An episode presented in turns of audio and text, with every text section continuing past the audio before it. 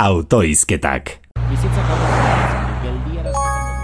Ai, nire ama eta hots mezuak. Lehengoan ondoa jota zegoen gaixua.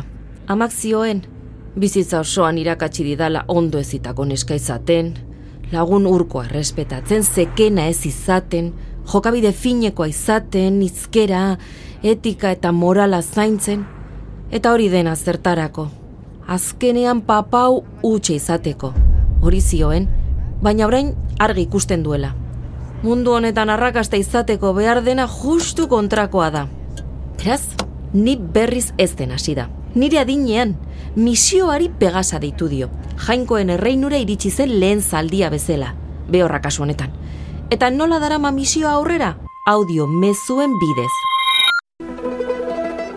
Aizu, itzi. Kebabekoak barra biletatik helduta dauzkagu. Txoratuta daude enkarren bakaiu kroketekin eta hamar leuro ere pagatzen digute dozenagatik.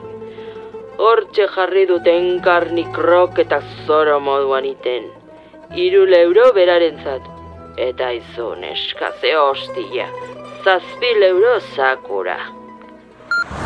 Zaku bat ere erosi dit, eta gidoi bat idatzi dit eman behar dizkiodan erantzunekin. Aizu, ama, krak, lonjako nagusiarekin hitz egin, eh? eta eskatu makailua merkeago usteko.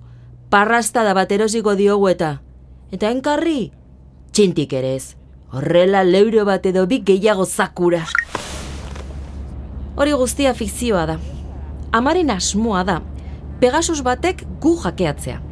Dendena argitara ateratzea. Eta gero esatea, ni naizela biktima. Aberastasuna eta lana sortzeko egiten nuela. Kebabekoei lagundu nahi niela produktu berriak ezagutu zitzaten. Eta gure mundura hobeto egokitu zitezen. Horrela, nire izena ezagun egingo da goiko instantzietan. Eta berak dioenez, hankakak iratxa urrutitik aditzen dutenez, ba nire gana gerturatuko dira euliak balira bezala. Eta hortik, arrakastara. Beste audio bat. Zi, lonjako kontua, itxita. Carmengo amaren domina emango dizute. Eta esan diot, ea zerbait egin dezakeen kontxako estropadetan parte hartu dezazun.